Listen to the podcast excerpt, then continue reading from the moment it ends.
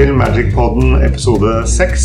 Da er vi endelig tilbake. Det har jo tatt litt uh, tid. Nå sist så ble det jo uh, utsatt en uke fordi jeg tok en liten koronarunde. Og i tillegg så kan vi si at vi har jo ja, vi har jo ganske mye annet vi driver med. og Da tenker jeg spesielt på deg, Trond, som har uh, 40 000 ting going. Ja, her er det liv. her skjer det ting. men ja, det er hyggelig å være tilbake i Magic-podden. Og eh, du har jo hatt en liten koronasession, som, som du har nevnt. Du er ikke smittsom nå? Nei, da, jeg tok en test på torsdag, og den uh, slo ikke ut, så dette skal gå bra. Så har det jo vært uh, Ja, vi har hørt litt at folk syns det er uh, ok med denne poden, og det er noen som har etterspurt kommer det ikke snart en ny episode. Så endelig er vi her samla for å, å, prate litt om Magic igjen. Ja, dette blir gøy. Så det jeg tenkte skulle være Temaet denne gangen er eh, Den store snakkisen i miljøet nå har jo vært 30th Anniversary-produktet som de har eh, prøvd å selge. Så jeg skal gå mer inn på det. Det har vært ganske ja, Folk har ikke vært så fornøyd med det produktet, kan man si. Nei. 30-årsjubileet burde jo egentlig være en stor Magic-feiring. Eh, men Magic-miljøet har jo hatt et sånn litt sånn laber velkomst til de produktene og de ideene som er lansert her nå, da.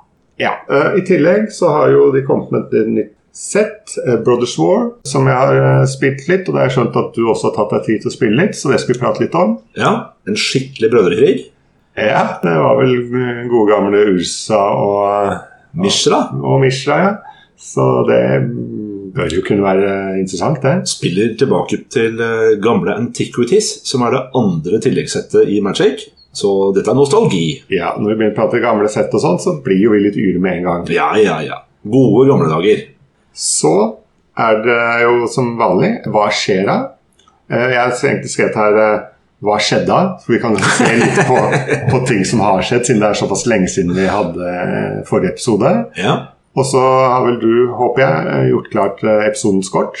Det har jeg, vet du. En skikkelig godbit. Ja, ja, ja. Og Sist og ikke minst så skal vi jo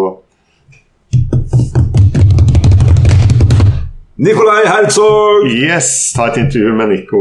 Ja. Eh, og Det gleder vi oss veldig til. Ja, Vi hypa jo skikkelig opp uh, at han skulle komme i forrige episode. Ja. Så vi får jo håpe han lever opp til forventningene, da. Ja, det, det, er vel et samspill som må til her, men jeg håper han har noe spennende å fortelle. Og det ja. tror jeg han absolutt har. Må tre for tango. Så dette tror jeg blir bra. Supert.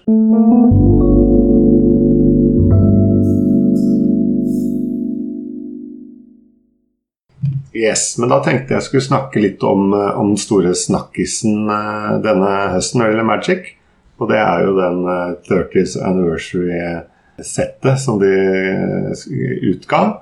Det var jo da fire boosters med reprints av Power 9 og mye gammelt moro. Men de skulle ikke være tournament legal, for de har en annen bakside, da. Ja, og for de som ikke kjenner til hva Power 9 er, så er det de klassiske førsteprintskortene i Magic the Gathering, som er da Black Lotus, Ancestral Recall, Time Twister, Time Walk og de fem moksene, som da er eh, Power 9. Det er definert som Power 9 fordi det er de ni beste kortene i Magic. Ja. Og man har tidligere utgitt en Collectors Edition, som også reprintet siste Power 9.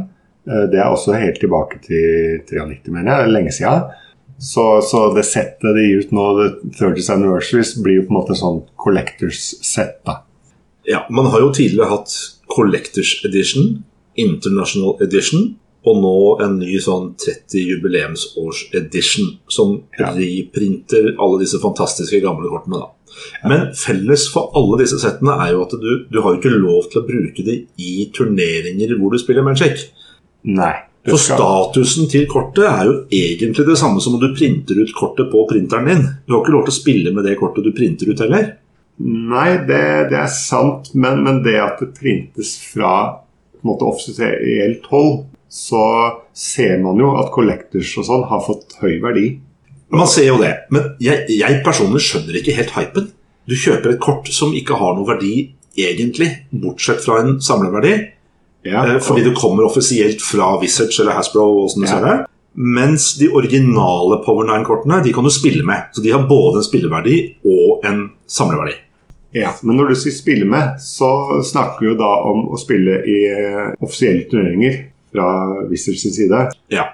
Du kan jo se for deg at så lenge de her har samme størrelse, så kan du jo uh, slive de, spille de i private turneringer og sånne ting. Det er jo fullt mulig. Det er fullt mulig.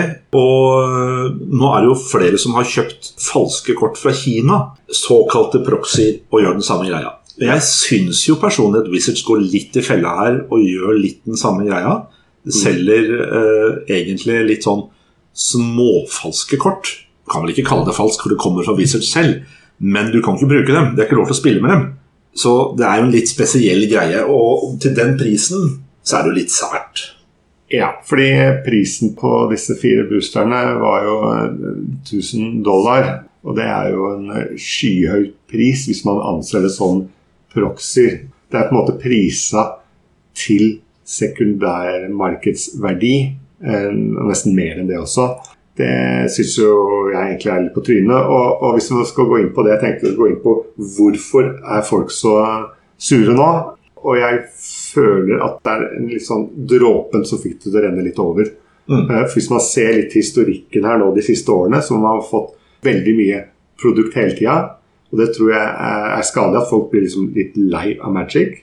Så man får litt den følelsen av at uh, prøver å melke Magic mest mulig. Og hvis vi ser litt lenger tilbake historisk sett, så, så har man jo uttalelser fra en del av, av de ledende skikkelsene i Magic som går på akkurat disse tingene. Blant annet så har man jo Richard Garfield i 2008. Han snakket da om at Rares de burde ikke ha en uh, høyere verdi enn 20 dollar. Og da tenkte han på at det skulle være spillbart for alle. Det skulle ikke være dyrt å spille Magic. Nettopp. Og, og det har jo uh, ryket for lengst. ja, det kan man si.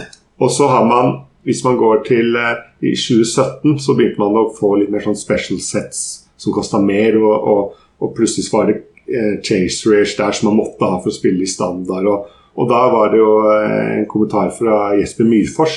Artisten Jesper Myrfors? Ja, han var faktisk art director når de lagde Magic i back in the day. Aha. Så han har jo det statement, Jeg skal ikke si hele statementet, men innholdet det gikk egentlig på at de raskt tidlig skjønte at, at Magic var veldig avhengighetsskapende.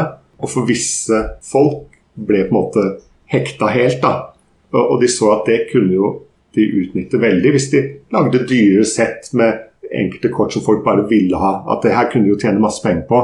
Ja. Men da sa de jo, de, de lo de egentlig bare litt av. Da hadde jo altså Hvis vi begynner med det, da vet du iallfall at da er det bare The Suits som har tatt over. Altså bare businessfolka. Ja. Fordi når Magic starta, så hadde man mye mer en følelse av at dette er av gamers for gamers. Og det, det, vi har kommet veldig langt derfra. Ja, men det gikk litt sånn troll i ord, da. Sånn. ja, det var jo Det er der vi føler vi er nå. At nå skal man på en måte utnytte alt mulig for å tjene penger. Og for å ta inn også Mark Rosewater, da, som er eh, vel head designer. Mm. Uh, han sa jo i 2017, så da kan jeg bare raskt lese hva han sa da. We are unwilling to reprint reserve list cards at normal card sites regardless of border or back. Ja, Den er jo brutt, så det holder. Den akkurat det statementet bryter som søren med det produktet her. Ja, jeg husker også Mark Rosenthal var ute i 2005 og sa noe lignende. Så, så det statementet har vært flere ganger. Men, eh, men eh, jeg, jeg, ser jo på dette litt som en sånn Ikke kjøp det. Det er et tulleprodukt. Mm. Bare ikke kjøp det. Så slipper man å tenke på det. 10 000 kroner, eh, norske kroner, eh, sånn røffelig regna i valutasammenheng i forhold til dollar, for pappkort du ikke har lov til å spille med, Uh, nei, det er ikke et bra produkt. Uh, det er et tulleprodukt. Bare hold dere unna alle sammen. Ja, og da kommer du inn på essensen. Hva egentlig vi har sittet og venta på i spenning nå. For det settet ble utgitt offisielt forrige mandag. Og det har vært masse youtubere, bl.a. Rudy fra Alfa Investments, blitt veldig kritisk til dette. Så vi har sittet og venta og på en måte håpt at det her ikke selger masse. For selger det masse, så vet du at da vil jo Wizard printe mer av det. Fordi kan de tjene penger, så, så, gjør de det. Det har vi jo skjønt nå. Da vil jo det kunne ødelegge hele økonomien, hvis man vet at det hele tiden kommer nye reprints av Power 9 og sånt nå. Da blir jo, hva, hva skjer med de gamle korta da? Og eh, så jeg Rudy snakke om i dag, at han hadde fått et tall, litt uoffisielt, men det virker som det produktet solgte veldig dårlig. Så bra. Og etter 33 minutter så trakk de salget på mandag. Og da skrev de bare noe sånn litt ullen, så det var litt vanskelig å forstå om det var utsolgt, eller om de bare uh, droppa det. Og det virker som at de virkelig bare droppa det fordi så at det her solgte dårlig. Og det vil se dårlig ut hvis det lå ute lenge og det liksom ikke solgte i det hele tatt. Så det har fått et statement fra community, og det føler jeg er veldig bra. At hvis man ikke anser det her som fullverdig bra kort, så vil det heller ikke bli det, på en måte. Og, det, da blir det ikke en trussel for Power 9 og old school og alt det der. Og det høres helt riktig ut. For det første så er det ikke fullverdige kort, fordi det er uh, kopier som du ikke kan spille med. For det andre så står jo fortsatt reserve list, sånn som jeg ser det. Fordi det originale Power 9 er jo printa tilbake i 1993. Og de vil holde sin verdi selv om du lanserer tullekort sånn som dette her. Så jeg tror ikke folk skal bli for bekymra som har samla lenge. Dette her forhåpentligvis er en liten sånn hype som de prøver seg på, og blir borte. Ja, fordi det man så også, var jo at uh, veldig mange begynte å legge ut uh, dual gamle, gode kort, uh, for, for, salg, fordi folk blir jo nervøse. Dette har vært et marked der prisen har gått opp hele tiden, så folk har bare liksom Oi, tryner det nå? Går ting liksom helt til helvete? Så det har vært en litt sånn usikkerhet som, som jeg håper den kan snu. Da, at man ser nå at vi bare Nei, vi aksepterer ikke sånne type produkter. Uh, og som du sier også, så vet jeg jo egentlig at man liker de gamle korta best nesten uansett. For det er noe med du klarer ikke å replikere, replikere helt lukt og følelsen med de gamle korta. Det er noe autentisk med altså, det, Ekteheten med å sitte og spille pappkort fra 1993, som har vært uh, spilt uten sleeves, som da er kortbeskyttere, mm. det, det er litt gøy. å kunne sitte med originalkorta. Men uh, jeg tror ikke dette her er for ille. Og for de som, som, ikke forstår helt hva vi snakker om her nå, det er at de originale Power 9-kortene er veldig dyre. Markedet er villig til å betale opptil 1 million kroner, og ofte litt mer, for de originale kortene. Så vi snakker ikke om kort til 200-300 kroner. Vi snakker om mange hundre tusen kroner for disse korta. Det har du helt rett i. Eh, jeg kan også bare legge til at eh, det kommer faktisk også en eh, vurdering av Hasbro. De er på børs, og de vurderes jo av meglerhus sånn hele tiden. Og Det var litt oppsiktsvekkende at Bank of America de nedgraderte Hasbro Action. Men det de dro fram som argument, var Hasbro is killing his golden goose magic. Og da kom de innpå akkurat de tingene med at de printer for mye. At de prøver på en måte å melke dette for mye. At det her blir bare en short term gevinst som ikke er sustainable eh, langtidsmessig. da. Og det som er greia litt, er jo at for Hasbro så er Magic er, ja, som sier Golden Goose. altså Det var jo 35% av fortjenesten til eh, Hasbro kom fra Magic. Så det er oss de tjener mye penger på. Mange av de andre produktene til Hasbro går dårlig. Og Hasbro er ganske stort. Vi snakker jo, De har brands, uh, merkevarer sånn som Transformers og andre store ting der ute. Så Magic er jo fortsatt stort. Men, uh, men, som du sier, Community har jo satt et veldig greit statement her. Dette er tull, det vil vi ikke ha. Få det bort. Og så får vi håpe at det, det fortsetter å bli sånn. Jeg får håpe de, de, lytter litt til det, og de kommer nok til å lytte når, når penga ikke ruller inn. Money talks.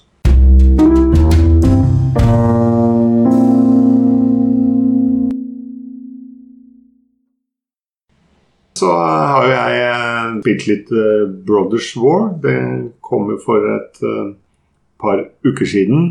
Jeg har ikke grinda så heftig som jeg gjorde på Dominaria United. altså Kanskje ti timer eller noe. Men de har en av de turneringstypene jeg liker best på arena, er jo de de kaller opens. Og det er jo at på lørdagen spiller en sealed, og klarer du da å få syv wins, så kvalifiserer du deg videre til dag to, som da er søndag. Og der kan du da spille to drafts. Klarer du mot formodning å vinne alle de, så, så, kan du vinne 2000 dollar. Og det er en fin premie. Og da lukter det litt nå at du har deltatt i en sånn turnering, Valle? ja, akkurat de turneringene de, Du er flink til å introdusere deg selv, da. det blir ikke noe skrytevideo sånn, for jeg vant jo ikke. Okay. Jeg prøvde en god del på lørdag, for du kan prøve flere ganger. Og jeg klarte å få de sju winsa. Ja. Så da var jeg Det er ikke så verst. Nei da, det krever jo litt det. Og på søndag da, så, da blir det jo ekstra spenning. Nå nærmer seg liksom Gullskissa står der i, i det fjerne. Eh, så første draft så fikk jeg en veldig god eh, rød dekk. annet med et uh, Mythic uh, rødt enchantment som gir Firebreath og litt sånn, så det kan fort vinne games uh, on his own. Ja. Um, så da gikk jeg tre-fire. Altså jeg tapte én kamp, men jeg klarte å vinne tre kamper. Og da kommer du videre til neste draft. Det vil Ja. si at jeg hadde Jeg måtte vinne hver eneste kamp på den neste draften. Tape én, så er jeg rett. Ok. Det er mange om beinet, da. Så det er, det er få som slipper innom. Uh, Ja, det er en ganske lang reise du må gå for å få komme til penga. Ja. For den andre draften så tror jeg jeg må vinne to kamper her for å komme i in the money. Og det første jeg kunne da er vel 500 dollar. Vinner du tre, så får du 1000 dollar. Vinner du fire, så får du 2000 dollar. Sånn tror jeg det var. ja. Men da Så gikk det er en beskjeden pengepremie tross alt i forhold til uh, Ja. Ja, fordi jeg prøvde flere ganger, og det koster 4000 crystals hver gang. Så jeg, jeg tapte første kamp i den andre draften, og da vant jeg 5000 crystals, så jeg tapte på hele turneringa. ja, ikke sant. verdimessig, men det var en opplevelse jeg følte jeg var nære noe stort. Det hadde vært mye kulere synes jeg, om disse turneringene var i papirkort, så man kunne møtes og spille sånn.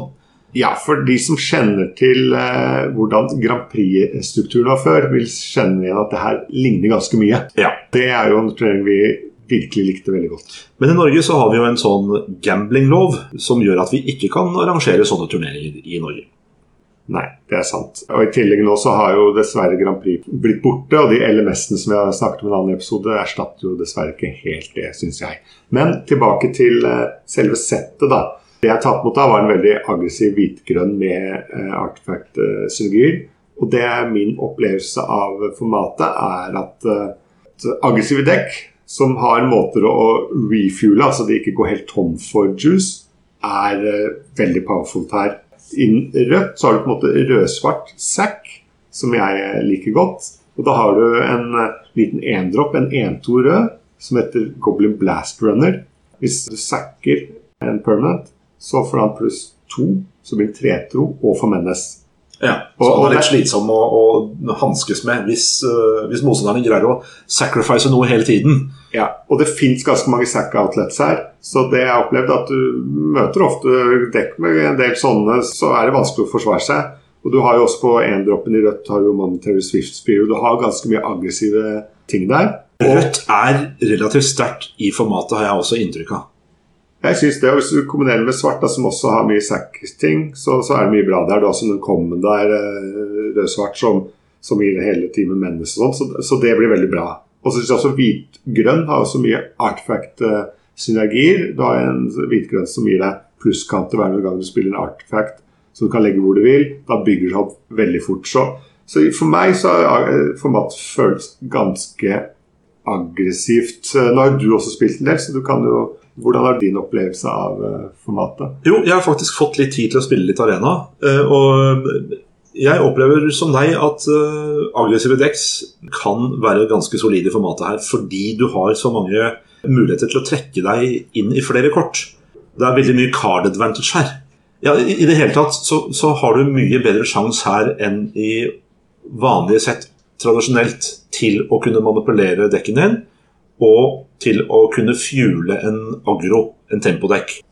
Ja, fordi det jeg også kan nevne her, at du har jo også den Unearth built-in, som gjør at du kan spille kort på nytt fra graveyard. Da må du sacke det på slutten av tur, men da får du brukt det enda litt mer. Og noen av Unearth-koppene har jo sånn at du står igjen med en 1-token f.eks. Altså de har enters abilities som gjør at du får noe i tillegg. Så det er en del ting som gjør at du kan hele tida fule eh, en agro-dekk, og det går ikke tom så veldig fort. Nei, og Det er jo ofte problemet til agro, at det stopper opp. Men i det formatet her så har man en sjanse til at uh, agroen kan holde på i det uendelige. Og det er jo en gavepakke til agro. Ja, absolutt. Men du dro jo fram eh, blårød, som du likte veldig godt. Blårød tempodekk eh, er morsom her. Du har jo uncommon-kort her, Toener to ener, som lager soldiers. Og eh, det er mye bounce, det er mye billig removal i, i blått og i rødt. Så, så du kan komme ganske langt her med en, en blårød tempodekk. Det jeg ikke er noe fan av i formatet, det er type sånne eh, tradisjonelt litt trege eh, kontrollformater som hvitblå, grønnblå de blir ofte løpt litt over litt tidlig. De greier ikke å hente seg inn. For rødt har ofte 4-3-power eh, på 3-droppen. det er Toton Menace på 2-droppen her. Og hvitt kan også slå hardt fra seg tidlig. Så man blir straffa veldig hardt her for å ikke legge noen kort tidlig. Ja, det er Men det sagt, så snakker vi draft nå. For i Silt-formatet så gjelder noe helt annet. Og jeg er jo en tilhenger av Silt. Jeg syns Silt er kjempegøy. For da kan man få lov til å spille litt dårligere kort, og, og tempo dras opp noe innmari. Det Så- dras ned. Ja, dras ned er vel kanskje heller riktig å si. Ja. Og, og det er jo ofte sånn i Silt at det er, eh, handler ofte om å, å trekke store bomber og spille mest mulig av de mest powerfulle korta. Mens i draft kan du mer finne raske synergier og, og, og strømlinjeforme dekken på en helt annen måte. Ja, I draftformatet her så spiller jeg jo ofte 6-7 to-drops. Mens i Seal-formatet her så kan jeg kanskje ligge ned i 2-3. Ja, og det vil jeg også legge til i draft her, så syns jeg at det er veldig mange av endropsene som faktisk er spillbare. Veldig mange. Så, så sånn har det blitt. Du får liksom ikke bare en 1-1 lenger på endroppen. Det har ofte masse andre abilities, og, og du kan få 2-1 og, og ja. Så endroppen er blitt mer og mer spilt for min del, iallfall. Ja, Du får mye for penga her. Ja. Så vil jeg legge til at uh, å ha med en disenchant eller altså noe artifact enchantment removal i main deck, kjør på. Alltid noen targets eh, for det. Disenchanten er genial her, for den fjerner så mye enchantment removals også, og stygge enchantment som du vil bli kvitt. Så Disenchant er et veldig sterkt kort her. Det er nesten så jeg anbefaler å kjøre to stykker i draft-formatet, iallfall. Sånn som jeg har eh, spilt det. Ja, jeg er enig. Eh, og I tillegg så kan jeg legge til at kort som fjerner kort fra Graveyard, er også solid pga. så mye Unearth. Det er i det hele tatt et gøyalt sett, syns jeg. Ja, jeg eh, Vi fikk jo innspill at eh, vi hadde jo Dominaria United-podkasten at eh, det hadde vært fint hvis vi ga en karakter. Et terningkast. Et terningkast, ja. Det tenkte jeg skulle gjøre nå. Jeg har jo Jeg blir jo litt grinete av aggressive selv. og, og, og, det, det, og det er jo en trend at de på en måte At det er blitt mer og mer powerful én og to drops. Som gjør ofte formatene mer aggressive. Så jeg, litt sånn sur Jan Thomas på Ja, sosiale jeg- fester. jeg- Du skal gi terningkast én, eller? Nei, jeg var på at det her var sånn middle of the road fem av ti. Jeg kan gi kanskje fem og en halv av ti, siden du er litt mer positiv. Og jeg merker at det er jo faktisk noen synergier og litt, litt moro her. Men det er litt for få ganger jeg tenker oi, det var et kult spill å få til. Ok, vi er på D10. Kan vi ikke være på D20, da? For det er jo som mange nerder sier, livet før og etter D20. Så er du på 10 av 20, da. Ok, da er du på rollespillgreier, men da kan jeg være hyggelig gi det 11, da. 11 av 20. Ja, jeg er litt mer positivt anlagt til dette her, for jeg spiller jo mye Sealed og syns, uh, syns at det tregere tempo er litt gøy, og spille dårlige kort er gøy. Så jeg tror jeg gir det 13 av 20. Ja, ok. Og, og da kan jeg som referanse hva jeg på en måte ville gi eh, ja, full pott, eller iallfall 19. Eh, Kaso Tarkir, f.eks. Det er sånn format jeg elsker. Det Kans gjør det for deg. Ja, mens Amonkhet hadde vært mer ned på sånn fem av sju-låtene, fordi det var veldig aggressivt, og det var masse billige gubber, masse pumpspill, så var det litt greia. Ja, skjønner. Og siden vi først er på veldig terningrulling her, så kan vi jo da rulle terning også for Dominario United, da. Der var jeg opprinnelig på 7 av 10, men da kan jeg si 14 av 20, da. Det Og du likte det litt bedre. Ja, for der, der fikk man spilt ganske mye Magic. Og jeg, jeg trekker opp at eh, den Defender-dekken var jævla kul. Ja, det er jeg enig med. Defender-dekken var litt tøff. Det var noe helt annet. Men jeg får tangere, da. 13 og 20. Ja, ok, Så du likestiller de to settene. Ja. Jeg vil jo si at Brothersford er, det er jo tidlig, jeg har ikke spilt så mye. Så det kan fort ende seg hva jeg mener om det. Og jeg ser jo også at uh, eldre sett får ofte noen plusspoeng i, i eh, tilbakeblikkets uh, gylne lys, for å si det sånn. Arabian Nights er en klar 20. Spillmessig litt tvilsomt.